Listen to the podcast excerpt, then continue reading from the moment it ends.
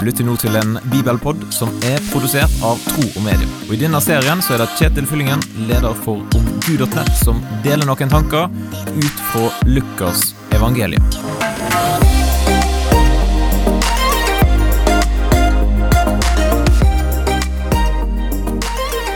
Gode vaner det er viktig på mange områder i livet.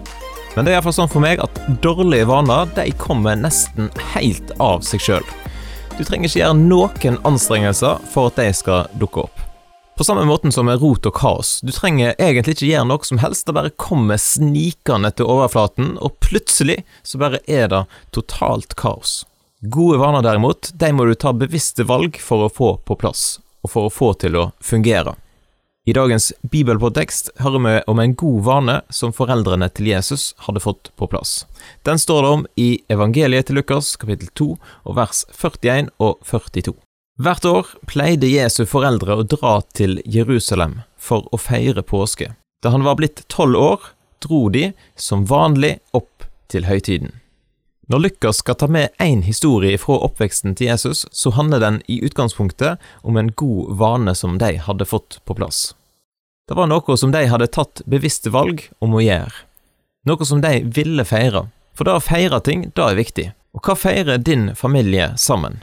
Og hva er det dere pleier å gjøre i lag? Det kan jo være noe å gruble litt på nå etter at du har hørt denne teksten her. Hva tenker du om ordene her i Lukas kapittel 2?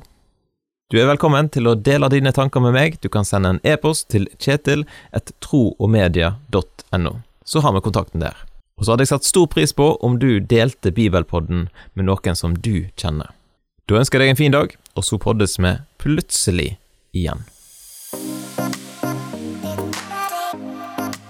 Takk for at du lytter gjennom denne bibelpodden. og Vil du gi en tilbakemelding på det som du hørte, eller vil du lære mer om kristen tro? Da kan du gå til nettsida omgud.nett. Eller du kan sende en e-post til kjetil etter troogmedia.no.